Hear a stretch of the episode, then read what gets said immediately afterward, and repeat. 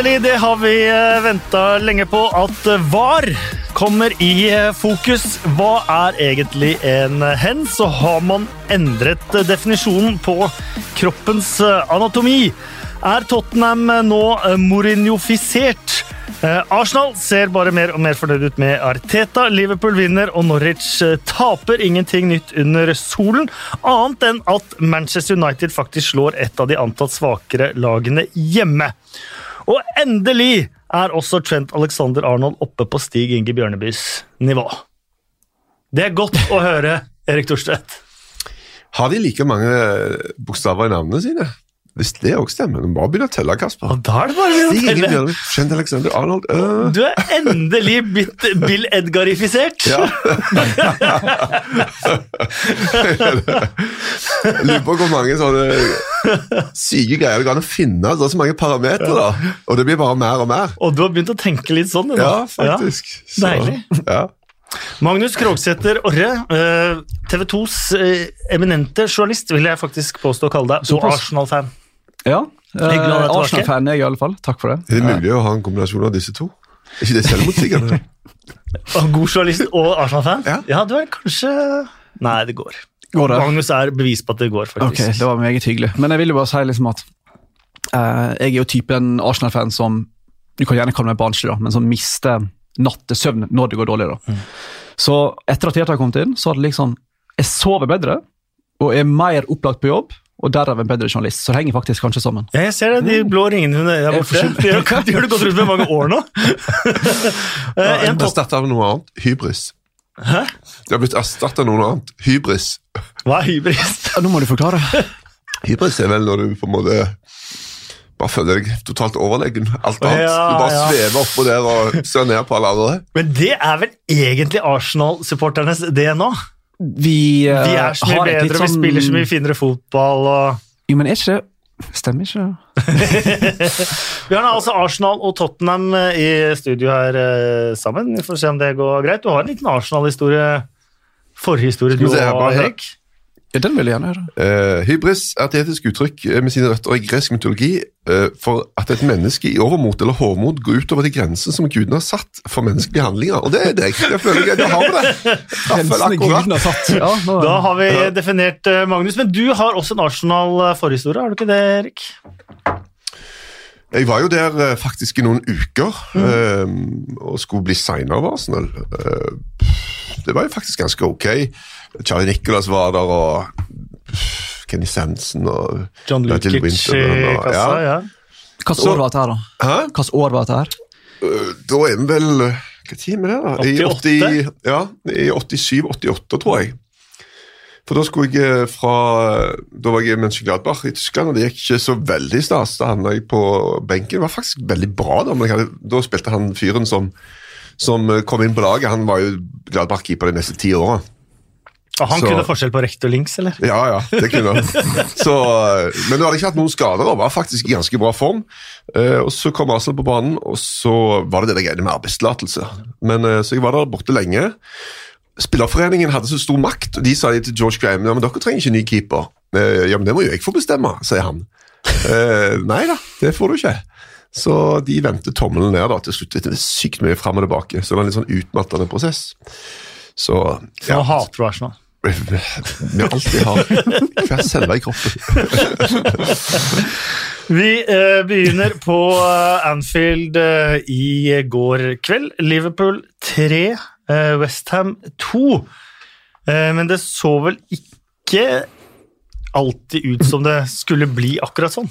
Jeg begynte, og jeg så mange på sosiale medier og begynte å håpe på at nå kommer det endelig. Invincibles det eneste vi har å være stolte over, skal fortsatt være vårt. Men så får vi selvfølgelig hjelp fra vår egen Lukas Fabianski, uh, som jeg synes det nesten, ja, du, du, er jo keeperen her, da, men det er nesten helt uforståelig dårlig for en så god keeper. To i samme match. Det, ja, det er, er vel, sånn... altså, det, altså, Jeg har rota mye, jeg, altså. Så jeg skal ikke si noen ting, men jeg tror aldri jeg har gjort to sånne i én kamp. Så Den første er bare sånn hvis jeg husker målet til Gea slapp inn mot Watford. Mm. Bare sånn rar bare ja. mellom hendene. Og litt sånn var det den første målet til, til Liverpool i går. Bare sånn, rett og slett Dårlig øye-hånd-koordinasjon. Mm. Altså, du, du, skal jo mm. bare ta hånda på ballen, men du, du har en feil. Eh, og den eh, nummer to, da, eller den mellom beina, er jo bare altså det, det er jo selve definisjonen på den klassiske keepertabbe. Altså Det er jo mellom beina, sånn som det er.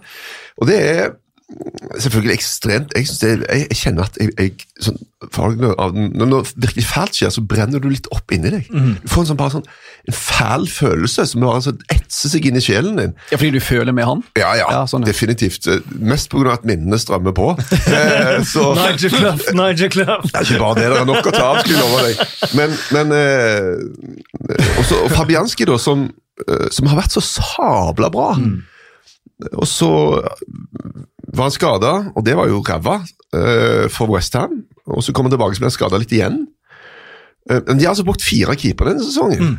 Og Fabianski endelig han er på plass, det kan være helt avgjørende. Og så Sånn som ting, sånn som det går, det, gjør, altså det setter seg i en keepers eh, jeg å si, Det setter seg litt i kroppen òg. Altså. Det bærer du med deg videre, og det er ikke veldig bra sånn med tanke på fortsettelsen heller. Så det som skulle vært et stort pre da, for, for Westham akkurat nå, så rett og slett at keeperne totalt sett, alle fire omtrent, kan, kan koste de plass.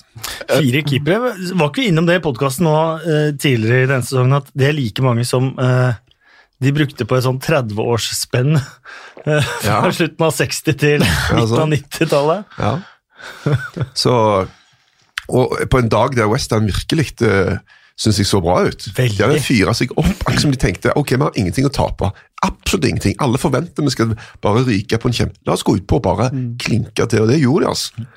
Så er det spesielt også å se et Liverpool-lag hvor man vet at kampen man ser, hver eneste kamp, at Liverpool kommer til å vinne. Det er utrolig frustrerende. nå. Men det, det er litt som du sier, du sitter bare og venter på det. Uh, og så er det litt, i alle fall for meg, mitt utrente øye i forhold til dere, da, så sliter jeg litt med å sette fingeren på akkurat hvorfor de er så gode som de er. da. Det tror jeg mange andre gjør. Du kan si masse om at de har rolleforståelse, du er kanskje verdens beste trener, og da selvfølgelig en del Jeg synes jo blant annet Firmino synes jeg er en helt sånn prima, nydelig fotballspiller. litt sånn jeg får litt sånn Berkamp-vibber, faktisk. Men jeg sliter litt med å sette fingeren på akkurat hvorfor de klarer å være så gode hver eneste kamp. Men det har kanskje dere litt bedre forståelse av enn hva Nei, altså, jeg tenkte altså, de, greier å være akkurat gode nok i hver eneste kamp. Og Det er jo noe av clouet her, da.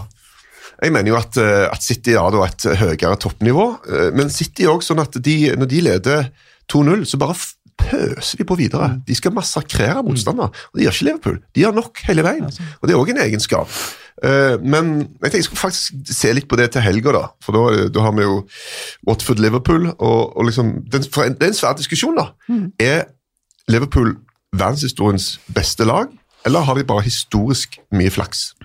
Ja, men det, flaks er, er- ja, men det, det er en ganske bra diskusjon, faktisk. ja, absolutt, men flaks er jo ikke tilfeldig. Eh, For man, ingen kan jo uh, Flaks er per definisjon tilfeldig. Nei, ja, man, man, kan jo ikke, man kan ikke slå under en stol at uh, Slå under en stol? At li, Skal du begynne å finne opp nye uttrykk? da? skyve under en stol? Skyve under et bord, er det ikke det? Ja, eller skyve under et bord. Du er ikke Stor har noe med det saken. Og det er ingenting med saken å gjøre det. At Liverpool har hatt eh, flaks i kamper denne sesongen, men jeg tror det heller ikke det er tilfeldig. Jeg tror ikke det er tilfeldig at f.eks. det kommer tabber sånn som i går. for det de kveler motstandere med, med at de vinner ballen høyt oppe hele tiden. Eh, minutt etter minutt prøver du også å puste når du møter Liverpool, og så får du aldri gjort det egentlig. For at de er over der med en gang, og, så- og så lenge det er sånn i 90 minutter, så vil konsentrasjonen falle på et eller annet tidspunkt. Eh, du vil tabbe deg ut på et, i et område du ikke har lyst til å tabbe deg ut. da. Uenig. Jeg tenker, hvis du jeg mener Hele definisjonen av flaks må være at det nettopp er, er tilfeldigheter. og, eh, Jeg tror ikke Ja, men hvor, Tror du Fabianski sin tabbe har noe med Liverpool sin fotball å gjøre? jeg tror det har med det å gjøre også, ja. Ja, Ja, er det den, den kommer med en spesiell skru som bare Liverpool kan legge Nei, inn, som nei. gjør at han går mellom beina Nei, på. Så lenge de spiller De spiller jo fotballen inne på motstanderens eh, banehalvdel nesten hele tida i veldig veldig mange kamper. Og hvis motstanderen får kontroll på ballen, så vinner en ofte tilbake veldig veldig fort. Så konsentrasjonsnivået må være på topp hele Ja, det er i det større ene, grad og mot Liverpool. hvor på banen har, har du flaks, hvor på banen gjør motstanderen tabber. da. Eh, hvis du er nære motstanderens mål, og motstanderen gjør tabber, så vil jo det nødvendigvis være større sjanse for at det ender i en målsjanse enn hvis en motstander gjør en feil høyere opp i banen. da. Okay. Så du skjønner logikken? Uh, ja, men uh, Nå skal du høre min take. Og den er at du kan gå gjennom alle kampene til Liverpool denne sesongen, Det var ikke mange kamper du kan si at der hadde de definitivt flaks, for motstanderlaget var mye bedre. Det, Nei. det fins nesten ikke. Men fotball er det spillet i verden, lagidrett, der flaks, spiller en størst, flaks uflaks spiller en størst mulig rolle, eh, rolle, fordi det er så få mål, og derfor får enkeltsituasjoner gjennom to ganger før, 45, en så sabla stor betydning. Du Kasper må kaffe, åpne eh, Ja. Og da ble jeg liksom å flau, flau over at jeg ikke klarte det, så jeg ble våt på hendene i tillegg. Skal jeg hjelpe deg, eller? Du mener ryggen din bør kanskje ikke Så eh, greia mi er at alle lag har uflaks gjennom en sesong. Og Utrolig enkelt, faktisk. Det er ofte sånn når du har gjort grovarbeidet. Nå føler jeg at hele argumentasjonen min bare altså, det er bare Alt er gått i dass. Kjempebra poeng der, kom helt ut av det. Alt er bare rør. Ta det en gang til. For å gjenta. Et lag som ikke har uflaks noen gang gjennom hele sesongen, har flaks. Det er sant. Enig. Det er min definisjon på det hele. Fordi at alle lag har uflaks, og selv om Liverpool i hver sabla match egentlig ikke fortjener å tape, at de ikke taper noen av de, eller til og med spiller uavgjort, er faktisk flaks. Så, så de er dritgode, og så har de i tillegg flyt. Og når, når øh, For å si Ta en situasjon hvor det er Fabianski i går, men, men du har rett før slutt mot Tottenham, så får Lo Celso en kjempesjanse rett foran mål. Og, og det, jeg, det, er jeg enig med deg, for det har ingenting med, med Liverpool å gjøre, om han treffer den ballen eller ei. Liverpool har gjort sitt, de. De står og ser på. Hva skjer nå? Og så setter han den håpløst utfor. Og det, Da er det faktisk litt flaks, da, at han gjør det. Fordi Liverpool har egentlig ingenting med den saken å gjøre. Bortsett fra da, den fair-faktoren som Liverpool har nå. Vi husker at Manchester United var på sitt eh, aller beste, og Fergie-time og, og, og alt det. det. Det hadde mye flaks uflaks da også, men det var ikke tilfeldig at det skjedde for Manchester United da heller, hvis du skjønner hva jeg mener. Ja, da. Eh, men, men selv, og- dette, selv, selv dette er jo på ser- historiske nivåer. Og du ser jo spillere som eh, Antonio eller Bowen eller etter altså får store muligheter, om de får litt hetta når de vet at det er Anfield, de vet hva det står om, og de vet at det er Alison som står eh, motsatt. Ja, men Det syns jeg er litt dårlig eksempel, for, for Westham skårer tross alt to mål. da, Det er nesten Ja. ingen som gjør på Liverpool. Nei, Så men at de bommer på noen andre sjanser, var- er jo ganske fair, da. Ja, men også Det var en heading på hjørnespark hvor det er snakk om duell hvor du ikke rekker å tenke, eh, og dårlig keeperspill av eh, Alison. Og så var det nummer to var eh, Dårlig keeperspill av Alison. Må du skjerpe deg. Det har jo ingenting med det å gjøre. Altså, Skal han redde den? For dermed han får en hånd på ballen når han går inn, så betyr ikke det at han skulle redde den. Nei, men det var ikke Alison på sitt beste hadde tatt den. Nei, altså det der, Nei, Nå okay, legger du lista for høyt. altså. Ok. Eh, Liverpool tangerte med seieren Manchester Citys 18 strake ligaseiere på øverste nivå. De tangerte sin egen rekord fra 1972 med 21 strake hjemmeseiere. Og Apropos når du snakker om rekorder. Erik, når en spør fotballspillere Vi i media er veldig glad i å snakke om antall kamper og invincibles. Rekorder her og der, og sier alltid nei, vi bryr ikke oss om eh, statistikk, vi bryr oss kun om neste kamp. 100% løgn eller 100% sant? Jeg tror de bryr, altså, Du ser at ofte Klopp blir eh, Når han blir truffet med en eller annen statistikk Ja. på intervjuet før match, så blir han litt overraska. Det tror jeg er sant. Han har fokus på litt andre ting. da. Han har fokus på å vinne den kampen.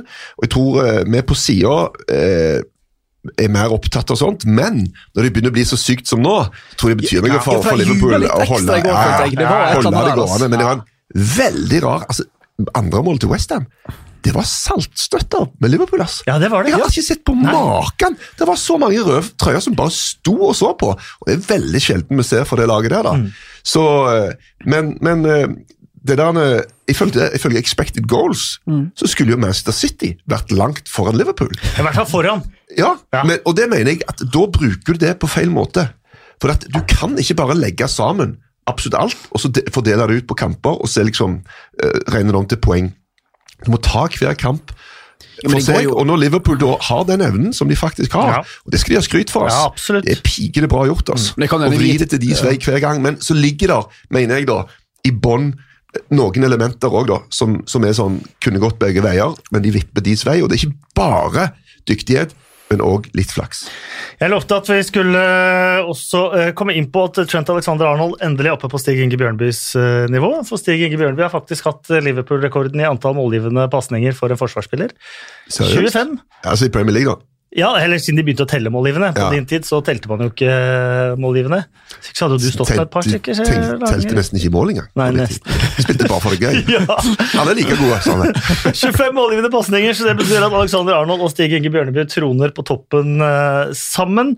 Um, det var jo framgang for uh, Westham og David uh, Moyes, selvfølgelig. Men han sa det David Moyes da kom Han slo vel Bournemouth 4-0 i første kampen. That's what I do. I win. Ja. Eh, og det har han ikke gjort siden. Én er seier, to uavgjort og fire Ja. eh, tap. Og Men, under men, men nå så du det litt sånn Og det rare er han har jo Alt det der, altså det der steget jeg skulle ta med, med Pellegrini og, og denne, de, Alle de dyre spillerne kjøpte, da, de er jo nesten ute alle sammen. Ok, Nå kom Fornals inn og, og skåra, men, eh, men de har jo på en måte tatt et litt sånn verdivalg. Med å satse på denne gjengen som var der, og, og, og altså, Antonio ser jo så veldig Antonio bra ut. Ja, ja. Husker dere hvordan han kom til Westham? Han ble jo henta. Eh, og så var det var, var David Gold eller, eller Sullivan, husker ikke hvem av Davidene som ble intervjua, eh, som hadde glemt at de hadde kjøpt han, og glemt at de hadde han. For Han fikk jo ikke spille han det første, første halvåret, så han visste hæ? Det var bra. Eh, og han var henta dere i sommer. Oh. Ja. Eh, men han har vært eh, god for den. Eh, Erlend Solberg har et spørsmål helt til slutt, kjapt. Viser kampen mot Westham hvor god og viktig Henderson har vært for Liverpool i år? Jeg tenkte når de zooma inn på tribunen, så tenkte jeg nå kommer denne greia. Men altså, de vant jo! Sant? De har, og de har spilt dårlige kamper og vunnet med Henderson òg. Så det blir litt sånn søkt og mm, det, det som Liverpool skal ha, da, for vi sier jo ofte ja, de er så heldige med skader og sånn, og det er mulig de har det, men ikke så sabla heldige. For i midtbanen der har det vært mye rotasjon og mye utskifting. utskiftinger. altså. Var ute Ja, ja. en stor periode av tidlig i sesongen nå. Så det er så- et argument som jeg egentlig ikke kjøper så mye. Så sier jeg, ja, men De sitter og mangler rapport hele sesongen. Ja vel, ok, men det er én spiller, og de må jo ta litt ansvar sjøl for at de har vært så sabla tynne på, på midtstopperplass. Apropos ansvar for å være tynne, tynt besatt, spesielt kanskje foran, så tar vi turen til Stamford Bridge. Eh, Chelsea 2, Tottenham 1. eh, Begge lag med spisskrise. Men Chelsea henta da fram en eh, spiss som beviselig har skåret mål i Premier League tidligere, og som folk har savnet. Din gamle favoritt, Olivier Giroud. Og han leverte, da. Favoritt, vet jeg. Jeg syns jo um, hans Syns utom... Bentner var bedre. Altså, der er kanskje å banne i kirka, men Bentner hadde faktisk når han, sånn 2007-2008 Hvis han hadde fokusert på fotballen, og det var det helt seriøst, hvis han hadde fokusert på fotballen og drept i alt driten han har holdt på med etterpå, han kunne blitt ganske god, han. Ja. Vi eh, fokuserer på Chelsea og Tottenham. Poenget poenget var Det samme var gjaldt i Rosenborg, faktisk. Hvis han bare ikke blitt lokka ut på byen med Trondheim der, så kunne det gått veldig fint. Men Giroud um, veldig mange, Det er jo sånn der vedtatt sannhet nesten at han er ekstremt undervurdert. Jeg vet ikke helt om jeg kjøper den. Jeg, synes, jeg har veldig sansen for hans ehm, eh, kombinasjonsspill. Nydelige, myke toucher. Elegant spiller. Men Olivier Giroud har hatt ti år på seg nå til å bevise at han ikke er undervurdert. Kan vi fortsatt si at han er undervurdert? Nei, men han kommer fall inn. Og- jeg syns du kan si det i Chelsea, da, når han er såpass passelig ute i kulden som han har vært. Eh, og om det er noe altså, Lampard skryter jo veldig av han, og, så, men du sitter med følelsen at det er et eller annet her som ikke stemmer helt mellom Lampard og Giro. da. Selv om Lampard prøver altså, for, for hvor, Hvorfor sitter det så sabla langt inne? Og ikke har en gang med i troppen ofte, da. Det er veldig rart. Men var det ikke sånn at i hvert fall i november-desember så å, han forsvinner i januar, vi må spille uten uh, Giroud? Ja, han var det samme, innstilt var- også på å dra, og så kommer det til januar, så blir han ikke solgt. Uh, uh, uh, så vet du åssen fotballspiller er i dag. Ja, ja, Rett etter han ikke ble solgt, og så var han ikke i neste tropp, for da mente Lampard at skallen hans ikke var helt på plass. Men Men kan ikke det ha vært liksom egentlig en situasjon som har vært i tre måneder? Jo, men jeg tenker jo, du bruker jo de beste spillerne for å ta flest mulig poeng. En ny manager som Lampard, han kan ikke han bruker, setter jo opp det laget han mener er best. da. Og det er klart at Tammy Abraham var jo kjempebra i begynnelsen av sesongen, men uh, Batshuayi tenker jeg at da er Giro bedre. Altså. Ja. Um, Marcos Alonso skåra 2-0-målet, også en spiller som ikke har vært altfor populær på Stafford eh, Bridge. Fantastisk skåring. Han har jo fantastisk fot, da. Ja. Jeg synes Han er et en klassisk sånn her Premier League-eksempel på spillere som bare plutselig fansen bestemmer seg for de ikke liker, får masse motbør. Ofte, jeg er enig at Defensivt er det en del å utsette på han. da. Men jeg synes han litt sånn som um, kan dra parallell til Kolasinac i Arsenal, som var utrolig masse tynn. Litt sånn fordi du i en liten periode ikke var god, og så er du på en måte ferdig for alltid. Ja. Jeg syns Alonso har mye mer med seg enn mange gir han kred for. egentlig.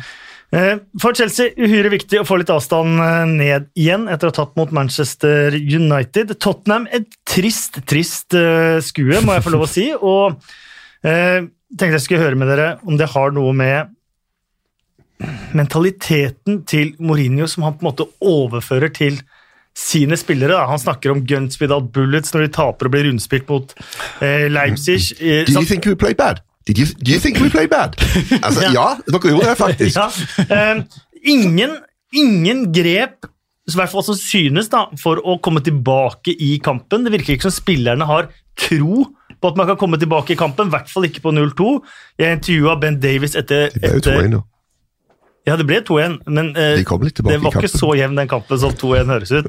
Eh, men jeg, jeg intervjua Ben Davies etter kampen, og han var også litt sånn på det samme. Ja, når vi fikk 0-1, så falt hele liksom, kampplanen, og, eh, og da, Mm. da var vi sjanseløse, liksom. Eh, det tenker jeg kan ha- noe med den negative inngangen og negative praten til Mourinho, da. Ja, altså, Jeg er jo helt enig med deg, men, men vi skal ikke glemme hvor dårlige Tottenham var på slutten av Pochettino sin periode. Så Det er det som er greia. da. Det er lett å tenke tilbake på The Golden Days, når de var dritbra under Pochettino, men det gikk jo veldig nedover. Og Spørsmålet er da, hva lag har, har eh, Mourinho arva, egentlig? Jo, han har jo egentlig arva den gjengen som var på slutten, da. Eh, men jeg, jeg, jeg vender stadig tilbake til det der han er ganske fundamentale når det gjelder trener. da. Eh, hva type trener er det? Er du en filosofitrener, som jeg mener de beste trenerne nå er? Guardiola, Arteta, som er jo samme båt, Klopp, eh, Pochettino eh, var det samme. Um, og, og så har du sånne litt sånn pragmatikere, da, som uh, make it up uh, litt sånn så as you go along. Og, og det mener jeg i lengden taper, da. Så uh, jeg, jeg må innrømme jeg er jo selvfølgelig skeptisk, det var jeg i utgangspunktet òg, men man må gi det en sjanse. Og Mourinhos andre sesonger er ofte de klart beste, da. Jo, men Ser ikke vi allerede nå at den skuta går nedover? At Mourinho begynner med det der eh, retorikken sin Ja, ja. Og, og stilen sin Ja, ja. han tidlig? Jo, jo, veldig. Eh, og det er òg et eller annet med som du sier, Kasper, med de der guns with no bullets. og Det syns jeg er en sånn Når du ser på Klopp i intervjuer, for eksempel, du føler aldri han har noen agenda.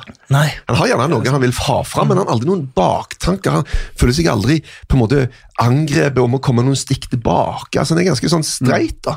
Og Det syns jeg er ganske øh, forfriskende. Eh, men det er klart at så, så kan du si ja, hva har Mourinho arva? Alderweireld, Fartongen. Altså Nedturen har jo starta. Altså, de, kommer- de kommer ikke bli bedre.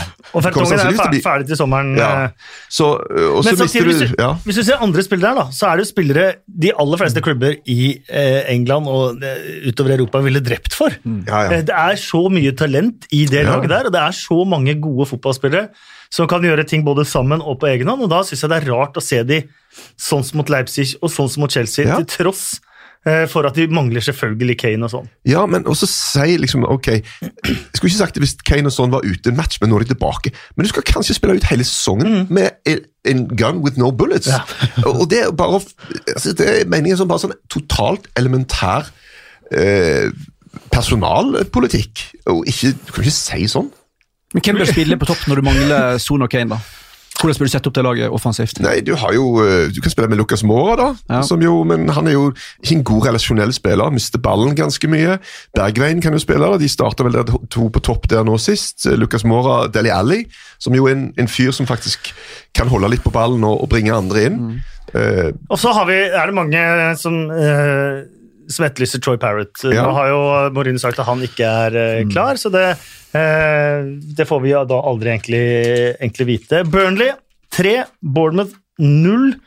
Eh, veldig frustrert Eddie Howe etter denne matchen, for først så skårer Joshua King, men den har vært borti skulderen til Philip Billing, så den ble annullert, for den hens har vært eh, involvert i oppbyggingen til eh, skåringen.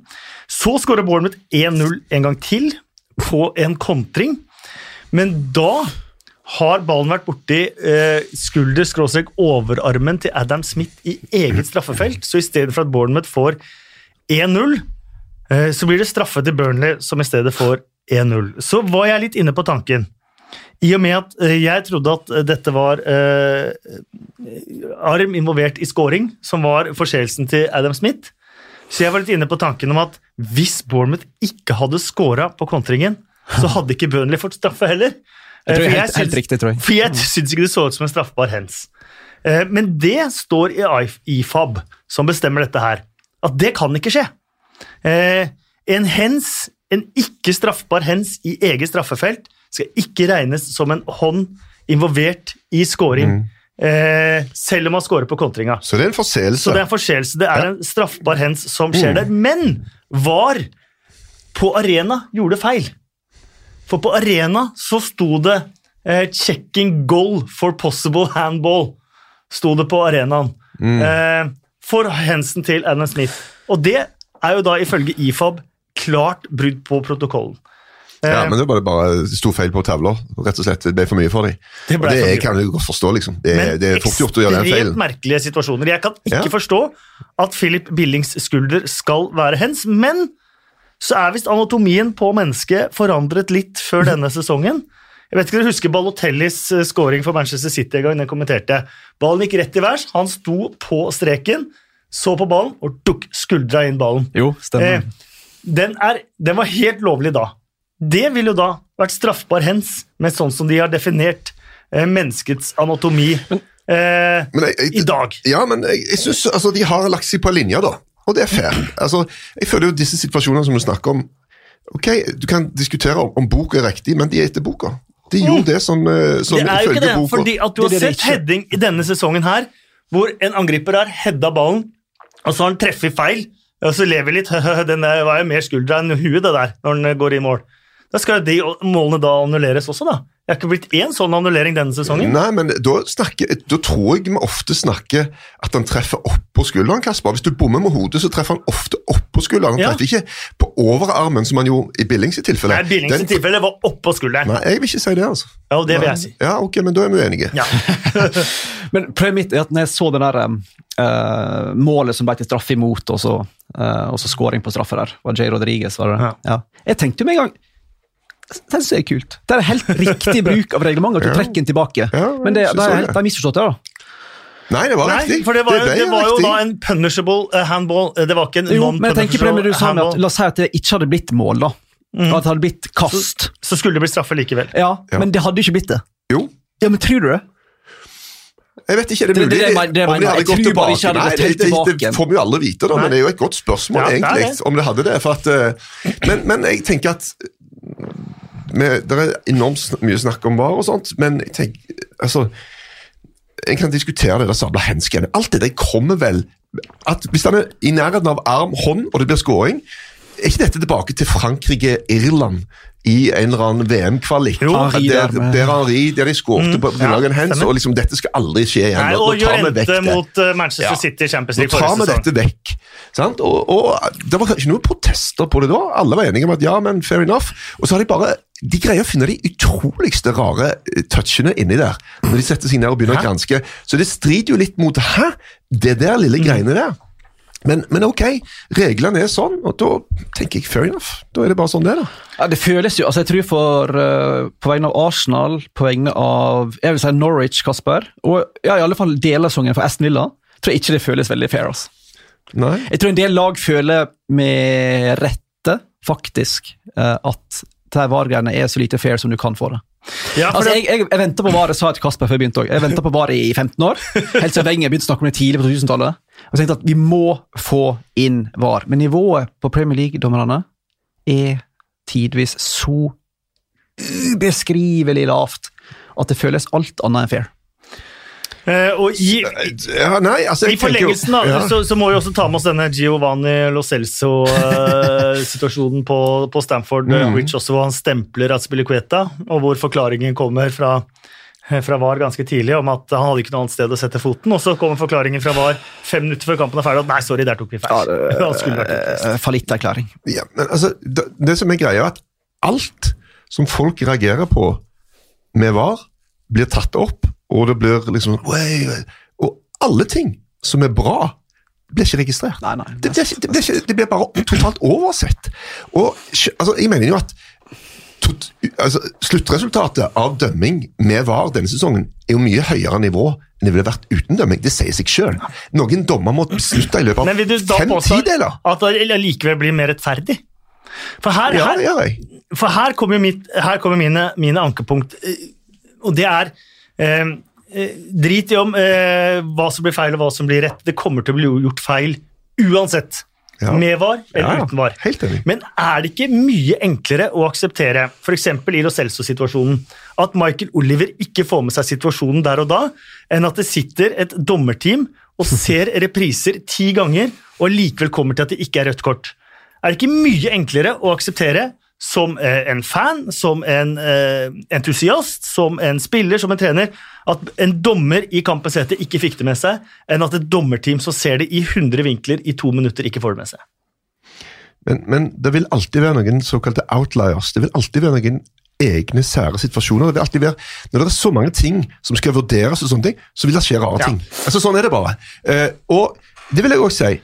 Det, jeg mener det som er blitt en uting, og vi er jo skyld i det sjøl, som jobber på TV, men slow motion-repriser gir aldri et riktig bilde av situasjonen. Og i tillegg, det som har begynt å bli svært nå, er foto.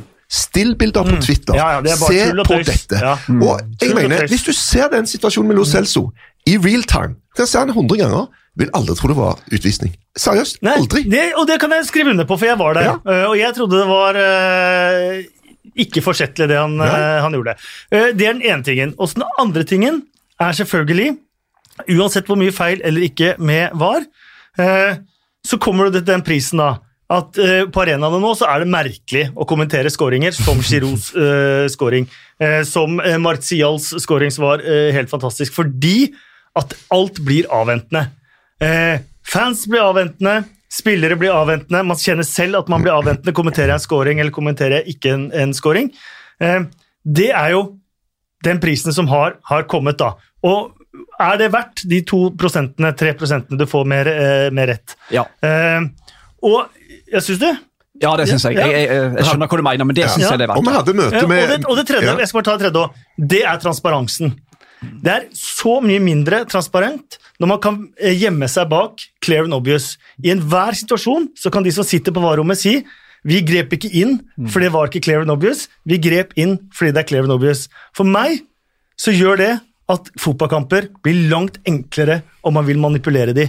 Fordi man alltid har clear and obvious å gjemme seg bak eh, og gjemme seg bak eh, og forsvare en avgjørelse, eller en eventuelt fraværende avgjørelse. Men, men sier du at, at noen er interessert i å manipulere disse kampene?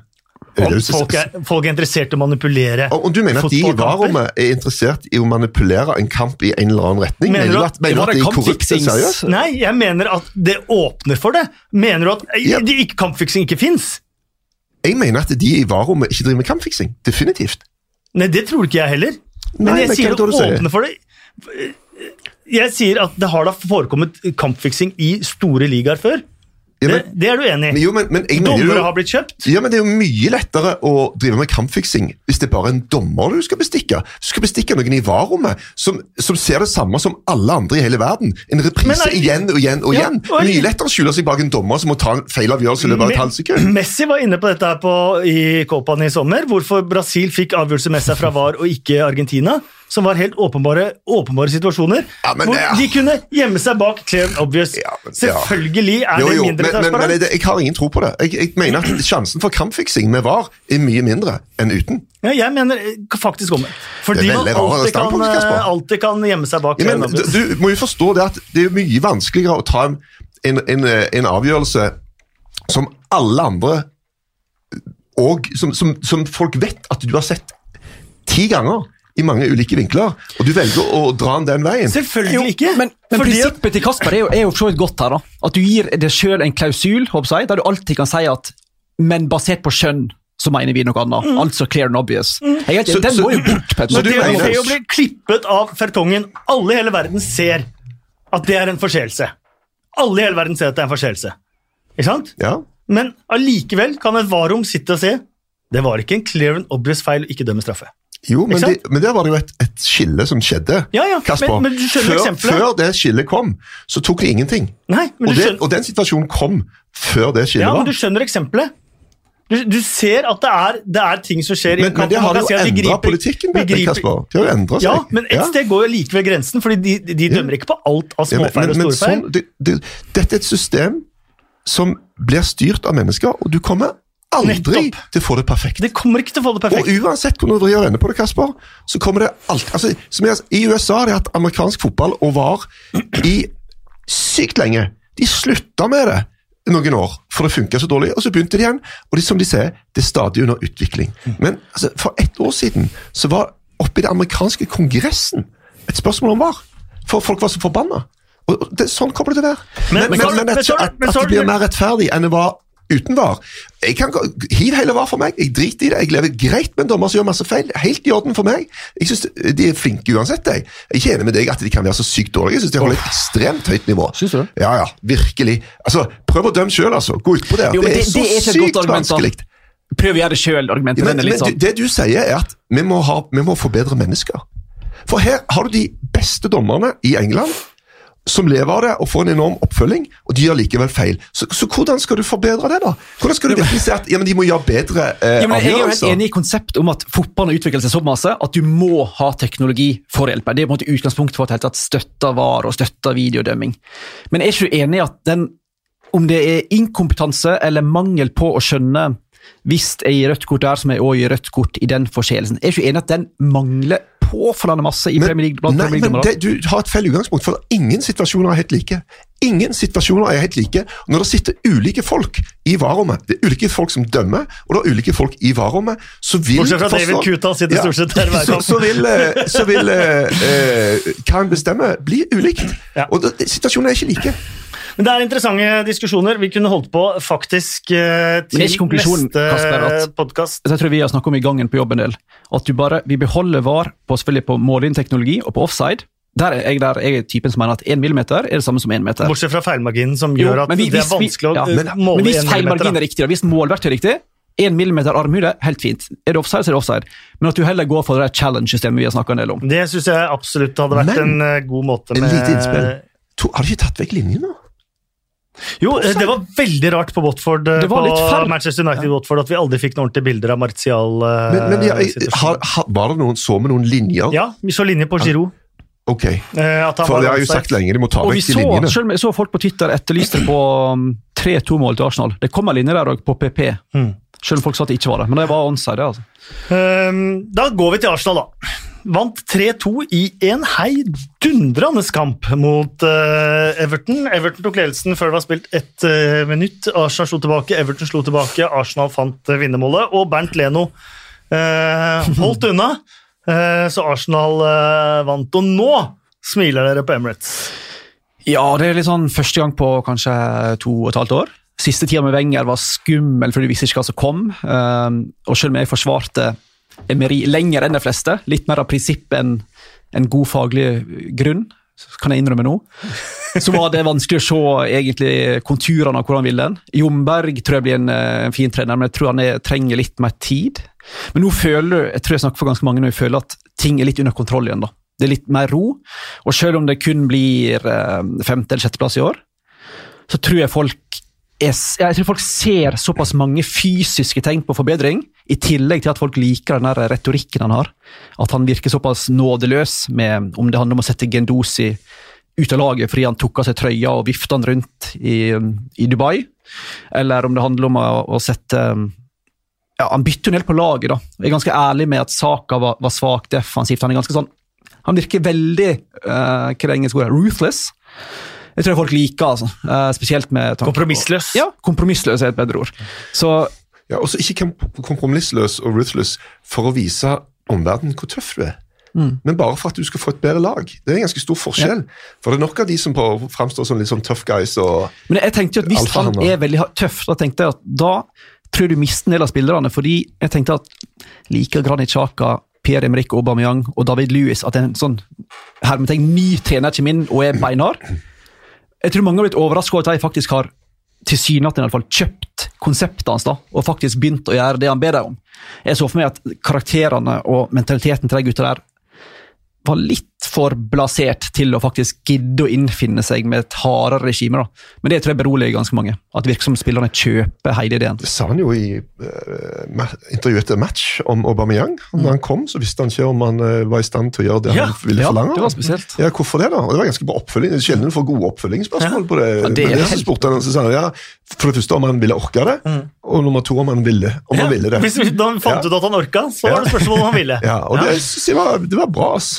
Så Nei, han har eh, det, det så så bra ut fra omtrent første spark i første match, og så stopper det litt opp. Mm. Men det ble bare stort sett uavgjort. Mm. Men nå eh, ja, ja, de, de, altså, og Du sier det om det blir femte-sjetteplass. Det kan være en stor forskjell. På femte Det kan og plutselig være veldig stor forskjell. det er sant. På Champions League eller ikke.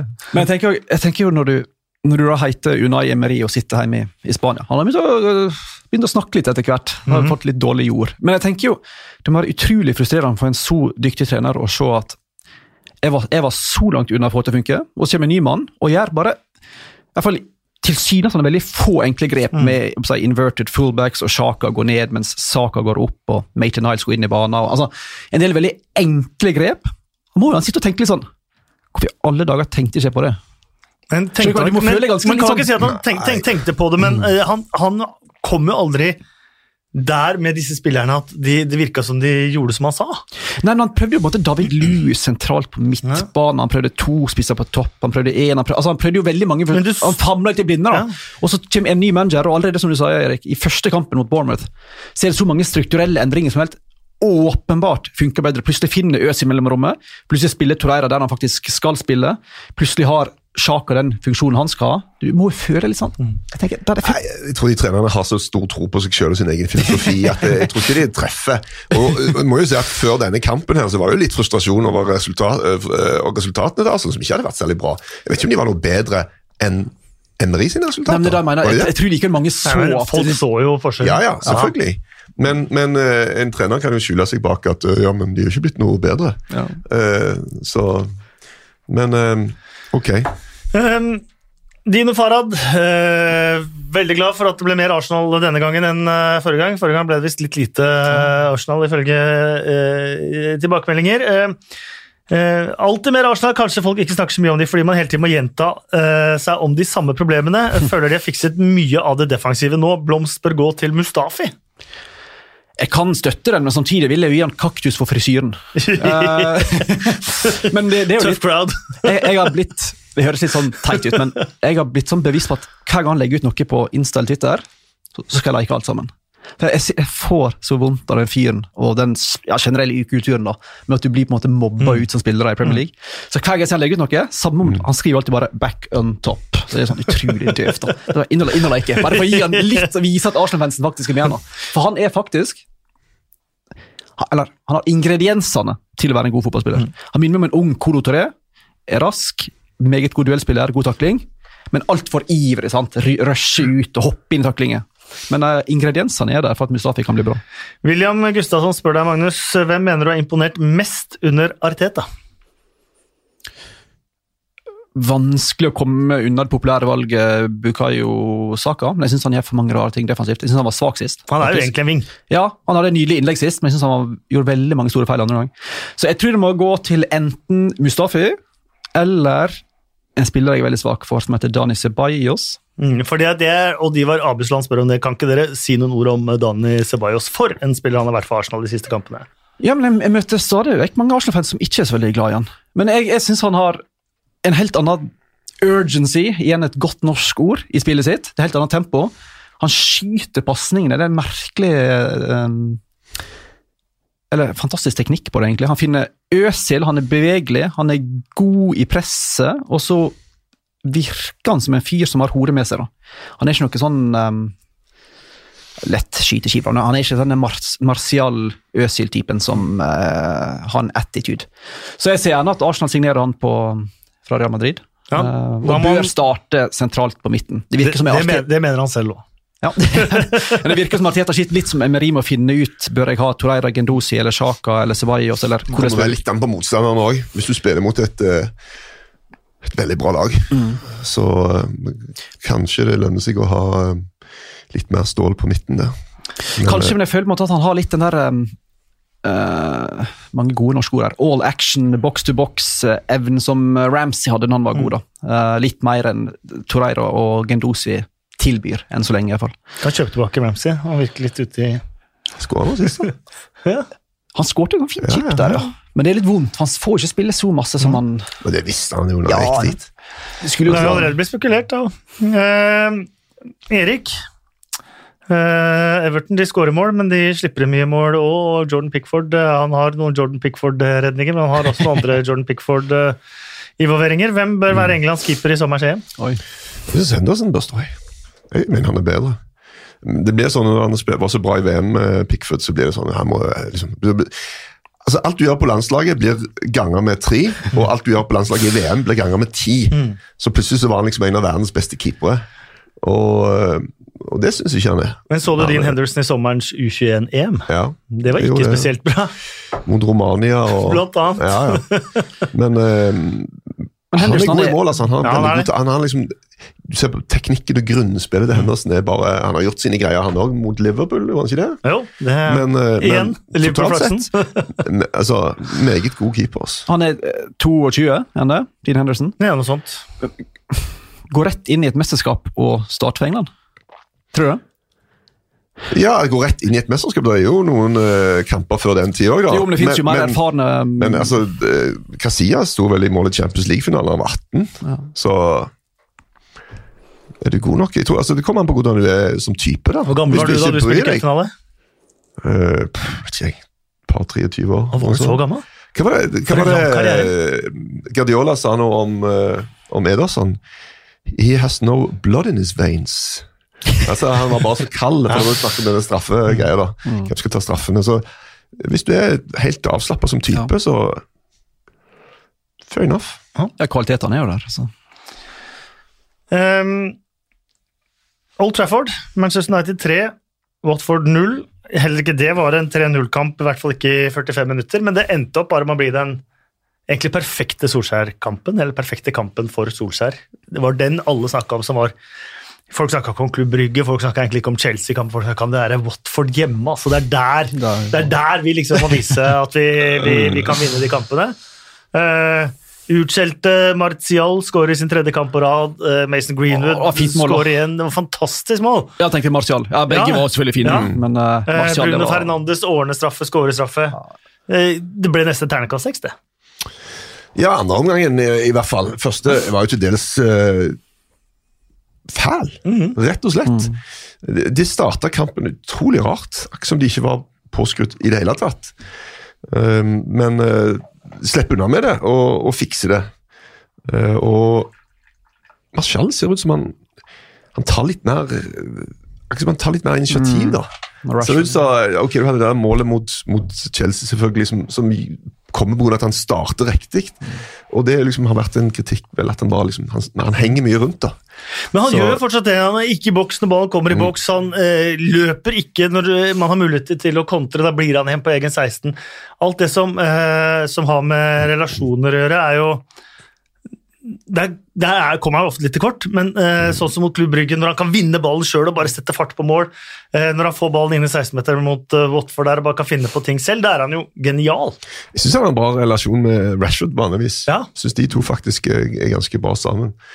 Men jeg har jo sagt før at jeg tror aldri han kommer til å bli en verdensklassespiss når han skårer tre mål på rad, men da er det kanskje på tide å gjenta det. For at eh, det går litt i rykk og napp med målskåring og sånne ting. Og det er bare et eller annet der som jeg tenker hmm, Litt usikker, altså. Er han like bra som de som er på øverste hylle, eller har han sjanse for å bli det, da? Og Det er bare et eller annet der som jeg som Jeg tror han kunne blitt det. Ja, Hvis, hvis han vil, tror jeg. Altså, jeg husker når han kom til United, så tenkte jeg bare han der skulle jeg hatt i Sammenligna med Thierry Henry allerede fra første kamp. Ja, men det var liksom en gudbenåda talent, da. Jeg har veldig sans for spilleren og kvalitetene og talentet hans. Men jeg er enig, det er et eller annet som skurrer, og han, jeg ser jo for meg at han er typen som plutselig går til Kina i litt sånn litt for tidlig alder. og Den jeg syns er helt fantastisk, er Mason Greenwood. Jeg syns han er så altså, kul spiss. Rein, rein skuddteknikk og sånn helt egen måte. han har- ja. liksom. Men eh, Jeg hadde jo perfekt timing, for jeg slengte litt drit om han i pausen sist. Eh, og så skårer han det målet. Men det går rett og slett på at han må opp i intensitet på så mye annet. Ja, han er enorm på å få ballen i mål, og det er jo Altså, Det kommer du langt med oss, men eh, igjen, skal du være en verdensklassespiss, så må du faktisk ha et litt større Men han er ung, altså. Ja, han er ung, Ja. men han, han daffer litt rundt oss. Ja. Litt sånn halvslakke og skru litt fort av og sånne ting. Og, øh, så, men de greiene der går det an å få på plass. Det gjør det. Eh, Marius Stokke spør trenger United Paul Pogba lenger nå som de har Bruno. Alle lag i verden trenger en Pogba som er interessert. Ja. Men når han er ikke interessert, så trenger han ikke. Nei. Relativt bra oppsummering, vil jeg påstå. Mm, òg. Ja, men det, jeg Føler at, det er eh, sånn, Ops, hva skal jeg si nå? jeg får litt sånn sånne følelser som han med, som med Martial, som jeg får med eh, Ben Arfa, som jeg får med Benzema, som jeg får med Nasri, som jeg får med Valbuena. Altså, Denne generasjonen med franskmenn som kom etter den fantastiske 98-generasjonen som forente en nasjon og regioner og raser. og Gud, for en deprimerende generasjon med franske fotballspillere vi har fått. På, det, mange måter. Selv om det er fantastisk Det var fotballspillere. en stund vi snakket om Pogba, Pogba hele veien, og snakket vi nesten aldri om han, men jeg lurer på hva skjer egentlig i den der? Altså? Hva, det virker Er han streikende, eller? Det, ja, det er, litt, det, er litt, det er litt det man mistenker. Det det da. og. Spesielt med Mino Raiolas uttalelser og alt mulig Men- sånn, og den men- der isfronten som Men er det der. er EM til sommeren, da. Ja. Han er vel interessert? Er det sånn at han bare drøyer lengst mulig, og så kommer han på banen litt i april? og Spiller er fem eh, kjempekamper på ja. slutten her. Ja, fordi at eh, eh, Solskjær han eh, er veldig veldig tilbakeholden med å si hvor lenge han er ute og når er han tilbake. og det, Ja, det er noen ikke. tidslinjer Så- her som har gått rett i dass. Definitivt. be back, bla, bla, bla. Nei, Ja. he- we will, nei Ja. I didn't feel ready, bla, bla. Så, Så, og hadde den der lille med 'his people is saying' Ja. bla, bla, bla. bla. Så ja, det er, eh, det er spennende å følge. Vi eh, går til St. Mary's, Southampton 2, Aston Villa 0. Her handler det mye om Aston Villa, som var sjanseløse mot Southampton. En Dean Smith som sa etter matchen 'Jeg prøver å forsvare spillerne mine, men det kan jeg ikke gjøre i dag'. Sarsan hadde altfor mange training ground players. Mm. Altså. han er Jeg vet ikke, jeg. Men det jeg tenkte vi skulle diskutere ja. her nå, da, er eh, De brukte, og har brukt over 150 millioner pund på nye spillere i sommer. Eh, de har virkelig Det var vel Det er vel ingen som har brukt, brukt det mer i sommer, var det det? Det var Manchester United, to, to, fall. Manchester United Ja. brukte flere, kanskje. ja. Og likevel så har man sitter man igjen med det som nesten eh, virker som én god spiller. Og Han var der fra før, Jack Grealish. Han er sabla Eh, god, da. Man ligger under streken. Er det på tide å diskutere om Dean Smith sitter trygt utrygt? nei, hvis de greier seg, så er det suksess. Er det det? Ja, definitivt. Hvis Aston Villa rykker opp, øh, og Hva plass havna de på forrige sesong? De havna på femteplass. eh, men de, Ja. så sagt, de har kjøpt for 150 Jo, jo, jo, men- De har men- nesten helt nytt lag. Ja, jeg jo- jeg tippa de på 10.-12.-plass eller sånn, tror jeg. Men, men sitter, det, det er jo ikke noen garanti for at de skal gjøre det bra. Det er nesten motsatt. Vi sitter jo før sesongen og sier de har kjøpt så mange spillere, har de ikke lært noen ting av hva andre lag har gjort? Og det er et ulike, Norwich har gjort det på en helt annen måte. Og Jeg har respekt for, for begge deler. Så det, Hvis Aston vil ha råd til det, gønne for det, prøve å, å greie seg. Absolutt. det ikke det motsatt. De rykker i hvert fall ned. De rykker i hvert fall ned. Ja, Ja. Så- Det er ikke tvil om. Men eh, nå ble vi veldig farga av Fulham forrige sesong, da, men hvis du ser på de lagene som har brukt eh, nyopprykkede lagene som har brukt 100 millioner pund eller mer, Mm. så er det kun Fulham som har rykka ned. Ja, Men jeg Det pleier, å, det pleier å være resept for å holde seg. Er det jeg Ja. prøver å si. det er prematurt å sparke han, da. Og så tenker jeg, Det er jo det er jo så like viktig som vi ofte glemmer å snakke om. er Hva er alternativet? da? Mm. John Terry, eller Altså, Hvem skal ta Det, over? det finnes noen gode managere rundt omkring. Jo, men Hvem er det som skal komme inn der og redde den skuta? Tim sier. Tim Sherwood. Å, herregud. Med det vesten sin. Jeg, jeg, sier, jeg sier stick with Ja. the manager. Ja, de slipper jo god jobb inn som han gjorde eh, der når han kom inn og Ja, han gjorde en fantastisk Ja, jobb forrige i sesong. Vi skal ikke, det er ikke mer enn drøyt halvannet år siden hvor det, hvor det så ut som hele klubben kunne bare nesten strykes av kartet sammen med. Bury, liksom. Eh, Men jeg så tror, jeg, tror jeg, jeg tror det ryker. Men um, Slipp inn mye mål, da. Og, og selv om de bare slapp inn to mot Southampton, så burde det ha vært uh, mye mer. Ja. Så, uh, men så er de jo òg i, uh, i ligacupfinalen. Det tenkte jeg vi skulle skulle ta eh, også ta to uh, ord om. Får Ørjan Hårsvold Nyland spille der, eller? Han har vært eh, cupkeeperen, ja.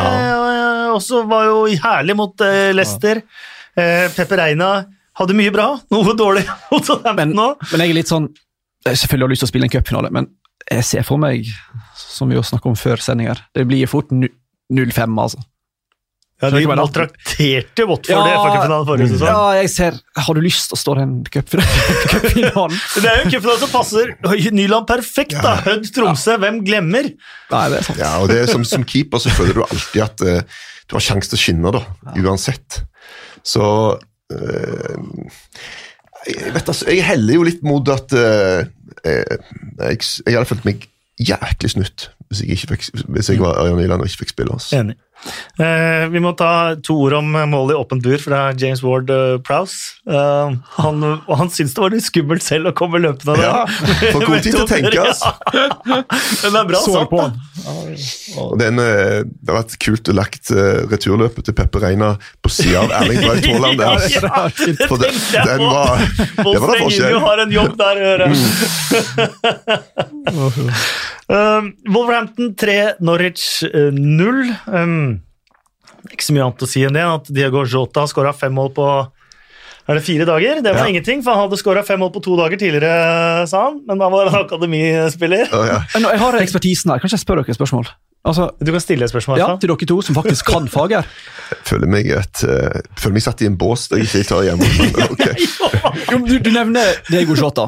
Og så er det vel, jeg føler, I Premier League er det veldig mange spillere jeg sliter å bli klok på. Det gjelder han, det gjelder um, Ruben Neves, det gjelder um, ja, Kanskje ikke Grealish lenger. Det gjelder Raúl Jiménez, det gjelder Mateo Gendosi. Veldig mange spillere som er et av og til tenker de er topp, toppklasse. Og så nest, fem minutter etterpå så tenker jeg de er kanskje ikke så veldig gode. Diego Shota, hvor god er egentlig Diego Shota? Er han topp Kan han spille for ja, Nå er topp seks-begrepet litt sånn utvanna. Ja. men kan han spille for de klubbene? Nei, altså Nå er, Det er så mange spillere som er ligger liksom, liksom i Wolverhampton vannskorpa. veldig sånn, sånn fysiske, uh, aggressive Litt kontringsbaserte, Ja. og han passer helt Ja, ja. perfekt. Men Jimenez føler jeg han er bare top notch. Ja, altså, han er bare I alle ja, ja. deler av spillet. For han, han er så jæklig god på så mye. Altså, han, Helt enig. altså, jeg ville tatt han for en Martial. Altså, Hva med Ruben Neves, da? Ruben Neves eh, passer igjen dritbra der, men han blir veldig opphengt i disse eh, skåringene hans fra langt hold. Sånn. Det skjønner jeg godt, da. Men, ja, men herregud, begynn å telle opp hvor mange skudd han har, da. Og han er jo aldri inne i boksen. Aldri. Aldri. Han har en- flere- han kommer aldri. Ja, men han en Eneste- en eneste systemspiller, da? Flere mål Altså, mer en touchy ja. inn i motstanders boks. Så det er en del sånne som du Men jeg tenker han kunne vært god i et Ja. lag som styrer spill. ja, Ja, det tenker jeg. det tror jeg. Kan, Grealish gå- kan vel, er vel enige om noe, Kan gå inn på hva som helst? Ja, ja. Hvilken som helst. Gendosi, da? Nei. Nei. Nei. Men- men, du der, ja? Han, er- men det, du- la oss se hvor mye han koster, da. Hva kosta Gwendozi? Det Det var ikke mye, altså. Og han ble kan fra, bli ble ikke nivå. fra andre nivå. Andre nivå. Som en ung spiller. Altså, det er et kjempekjøp, Ja. da. Men, men øh, Men konklusjonen er at Jota og Neves er best der de er? Nei, Neves tror jeg kunne spilt oss på topplags- og styrekamper. Ja. Okay. Eh, vil dere ha en litt artig fun fact om Raúl Jiménez denne sesongen? Nei, gå heller Har bare vi- videre. Okay, da går jeg videre. Give it to us. Han har tolv ligamål denne sesongen, men er jo da den som har skåra flest uten å ha skåra første målet i noen kamp. Oh, yeah. I, Yes. re I rekken av rare statsen. Eh, og så er det jo veldig vanlig å rykke ned med 18 poeng etter 27 kamper, sånn som Norwich har. Yeah. Men et lag som klarte det, var Leicester. Å ja, med, med han Med Nigel øh, Pearson. Ja, Og, hva skjedde, og hva skjedde med Leicester sesongen etter? ja. De ble ligamestere. ja. Sier ikke mer. Lar den Nei, ikke si mer. Jeg tror det er er veldig greit. Jeg syns det er litt, synes det er litt synd at Norwich ikke er der. Hvis du setter penger nå på Norwich som ligamester neste sesong, så får du vel 5000 døgn? Da må du få mer enn 5000 til en. Det er større sjanse for at Elvis det er faktisk, det er faktisk større sjanse for at Elvis eh, dukker opp gående i gata i. London enn at eh, Norwich skal vinne ligaen neste sesong. dumt å rykke ned, da. Ikke bare for hyggelig med deg, men jeg synes det er, det er et fint lag. Og Ja, Danny Murphy sa det på Match of the Day, at han sa det er det beste laget han har sett som ligger på bunnen av tabellen ja. i Premier League. Og jeg skal til dels være enig i at de har spilt eh, god fotball. Nå er de der at de ikke har selvtillit heller, så Pukki brenner jo, og de andre brenner, og de får sjansene de får, fordi at de er i den der uflyten som man er når man ligger i, i bånn. Samtidig så gjorde de alt rett i sommer. Eh, igjen, alle det som er salgsobjekter nå, satt de seg jo ned med i sommer og, og skrev femårskontrakter med. Og Stuart Webber, eh, sportsdirektøren, har vel sa nå for et par uker siden at eh, til sommeren eh, Vi kommer selvfølgelig til å selge noen, men vi trenger ikke selge noen, og vi kommer ikke til å selge alle. Men apropos Og det er veldig greit å være i den posisjonen. apropos sånne spillere som er ganske gode. Sånn han um, Buendia.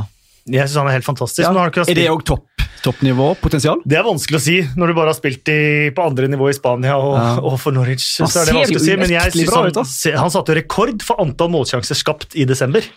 Premier League-rekord. 28.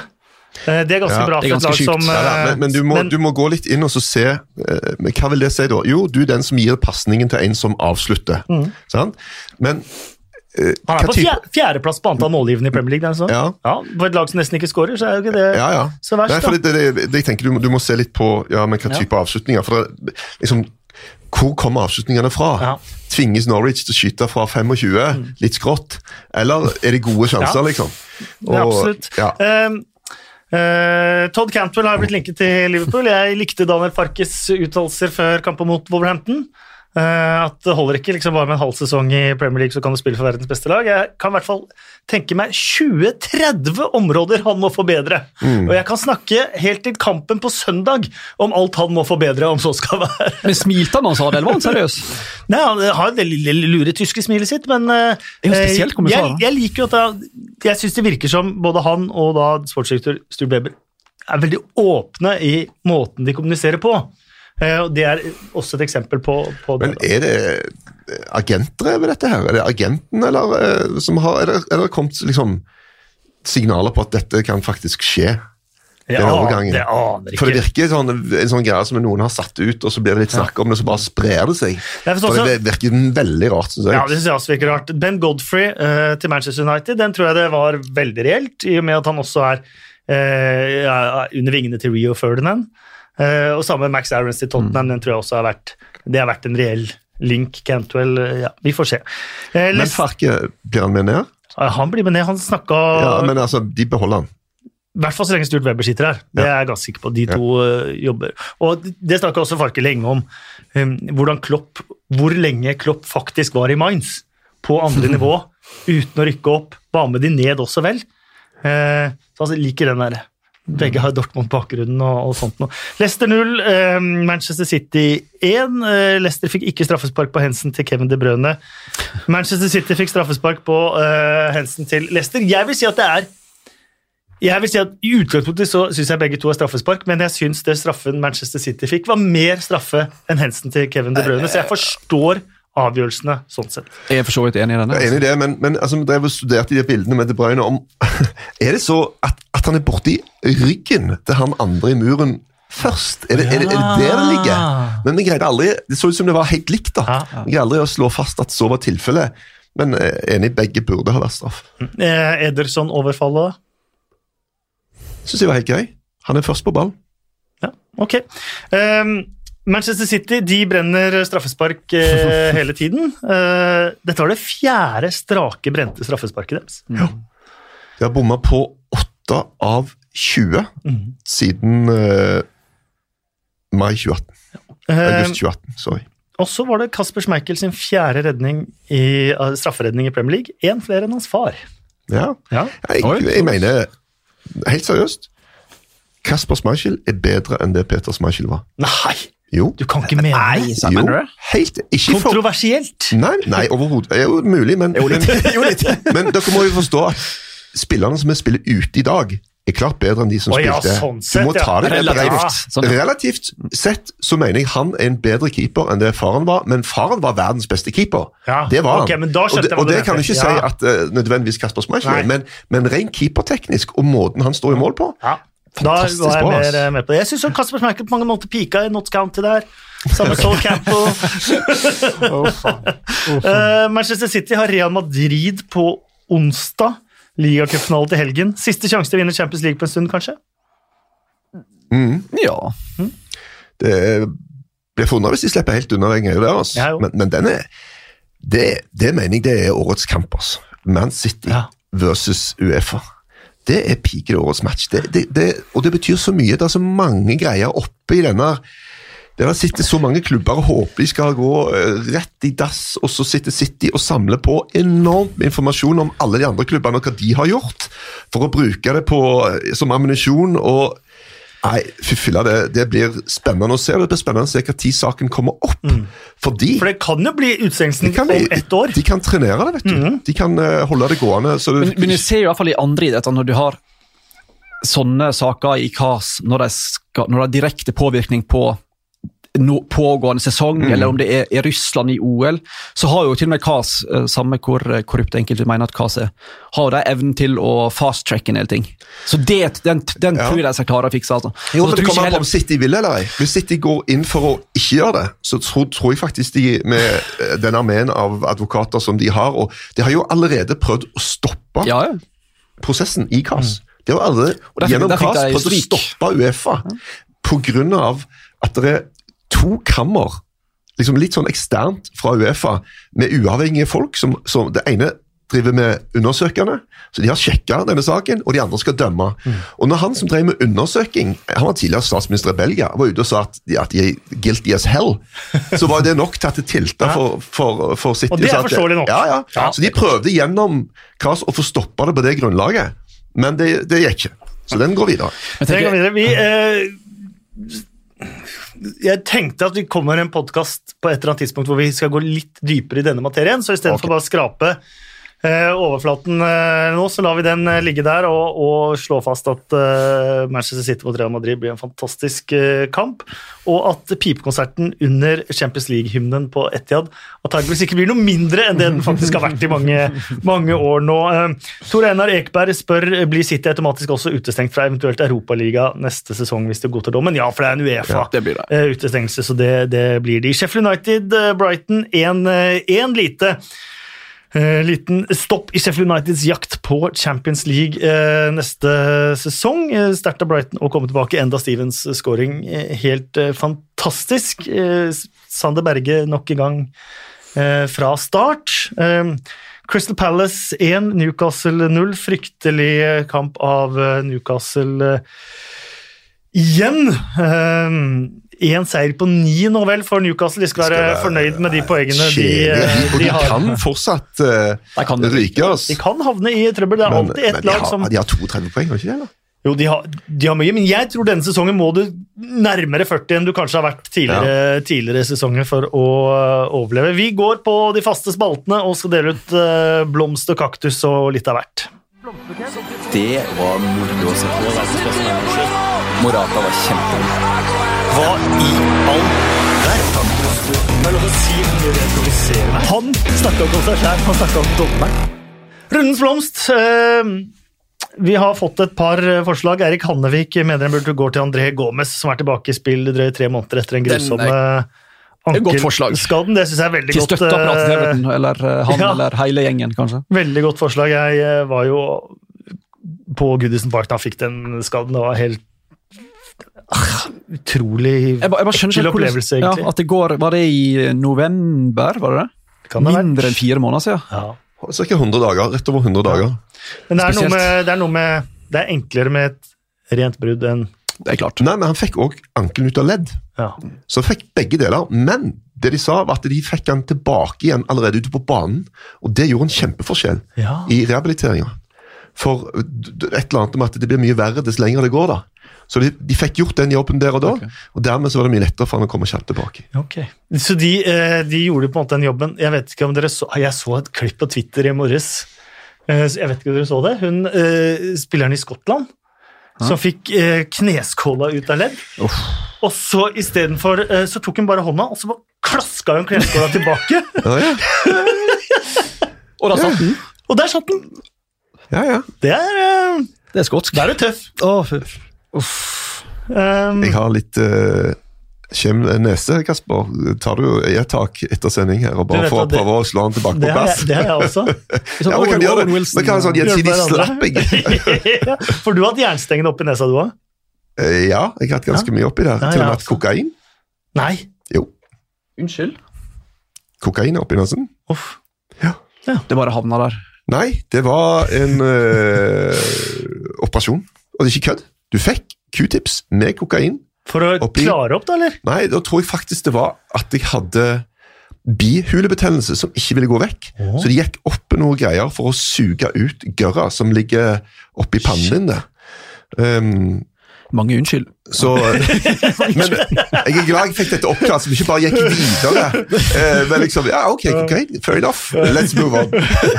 Felix Gallardo, jeg har akkurat sett Narcos 2, og han hadde også først slett fælt med de hjulene. I tillegg så kjører de jo et kamera oppi der. Og jeg lover dere, det ser ikke fint ut oppi der. Altså. Nei, det der er det mye greier. Ja. Det så ikke bra ut. Uff. Eh, er det noen andre, var det noen andre forslag til blomster? Nei, eh, nei bare Jeg syns jo jeg er ingen stor tilhenger av uh, Sean Dyche.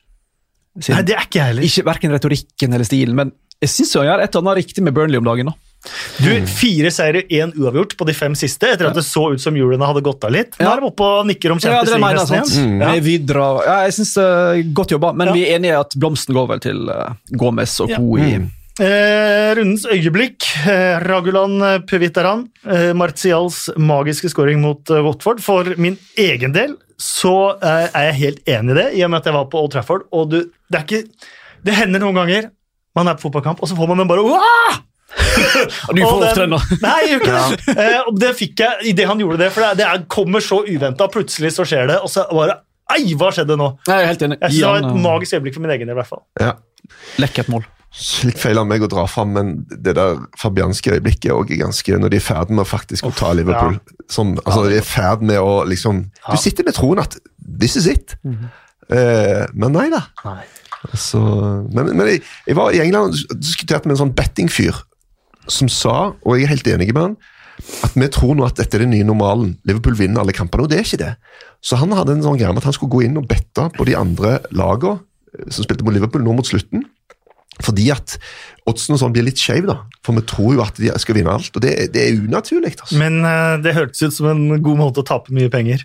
Eh, eh, rundens kaktus. Uh, nei, jeg delte sånn halvveis ut den til frisyren til Mustafi i stad. Ja. Og så er det alltid fristende å gi den til VAR med Lo Celso-incidenten. Men jeg har, har David Coote fikk to kamper på den lørdagen. Han var jo VAR-dommer både på eh, Chelsea-Tottenham og på Leicester-Manchester City. Han havna litt i hardt vær. Ja, men jeg, jeg synes han, har, han kan ikke gi kaktusen, for han har fått nok. Altså Det å bli hengt ut som den første som får på en måte sitte i varerommet og få beskjed om at du tok feil, den, den må svi litt. altså. Ja.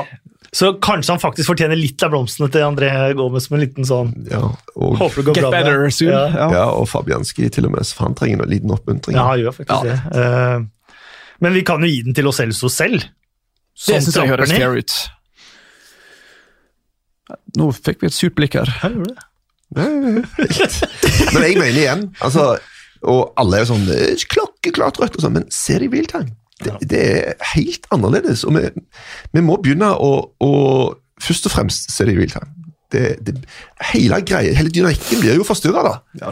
Eh, men ok, han, eh, ja, han fortjente jo sikkert et rødt kort. Få han Eh, ut. Få han ut. Til ukjent helt så har jeg fått et veldig godt forslag fra Snuts på Twitter. Uh, lite forslag om Wolverhampton-kaptein Connor Cody. Han har spilt hvert eneste minutt for Wolverhampton i deres 100 siste ligakamper. Får ikke nok ros for hvor solid han leverer og hvor god kaptein han er for det laget. Så det er et veldig godt forslag på Vanskelig å komme med bedre forslag enn det. da. Nei, det er jo helt uh... Men jeg ville jo slå, slå et slag for, uh, uh, for en masse utkjente Luke Shaw, som jeg syns var meget bra.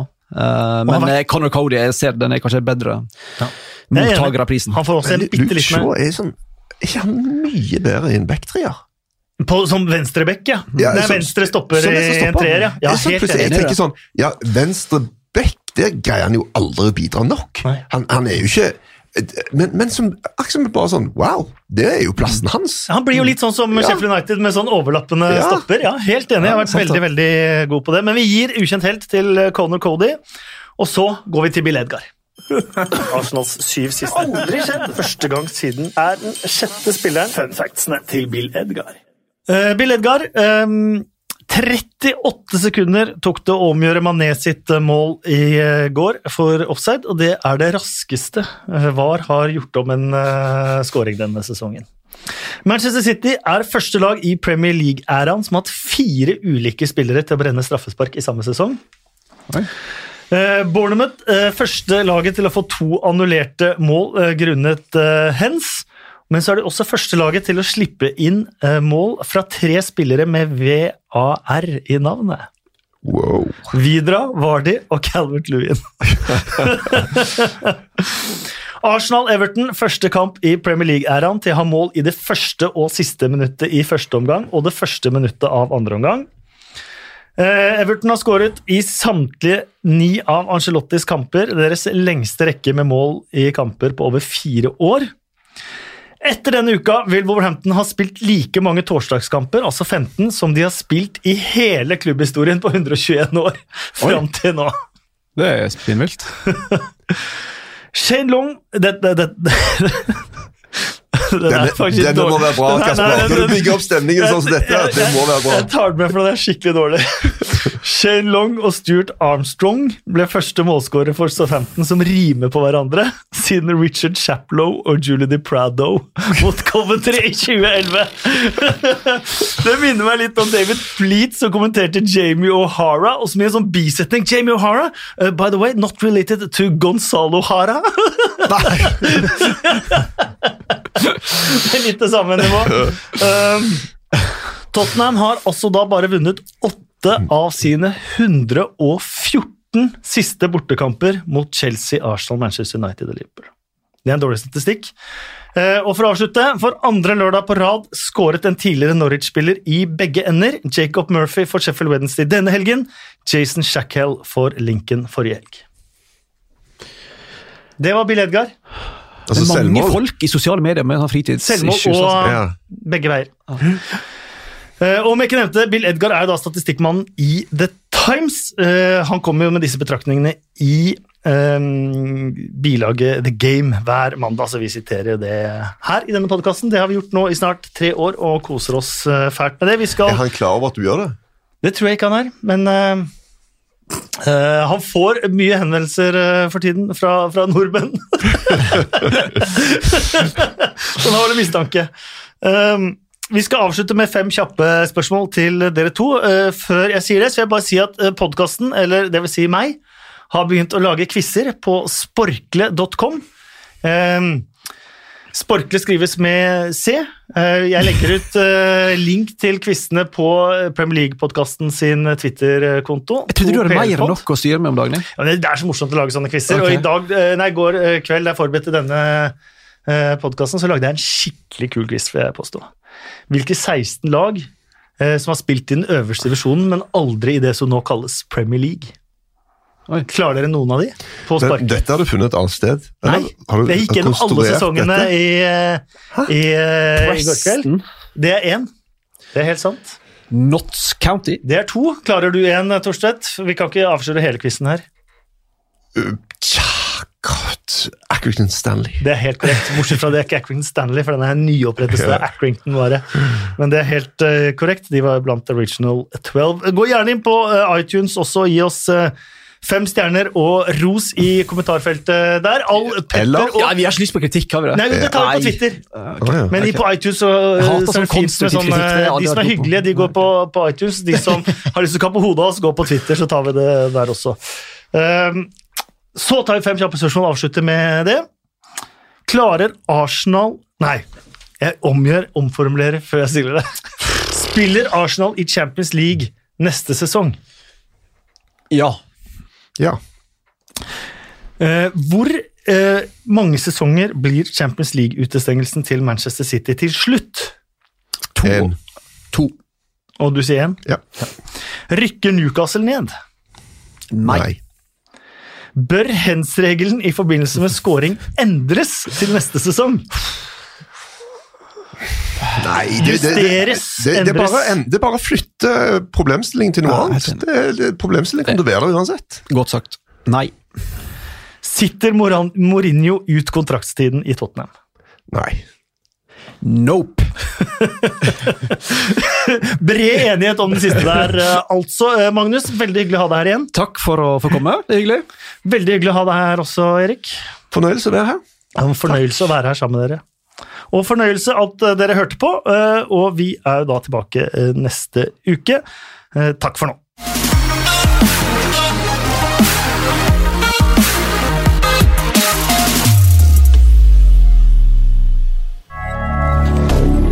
Moderne media.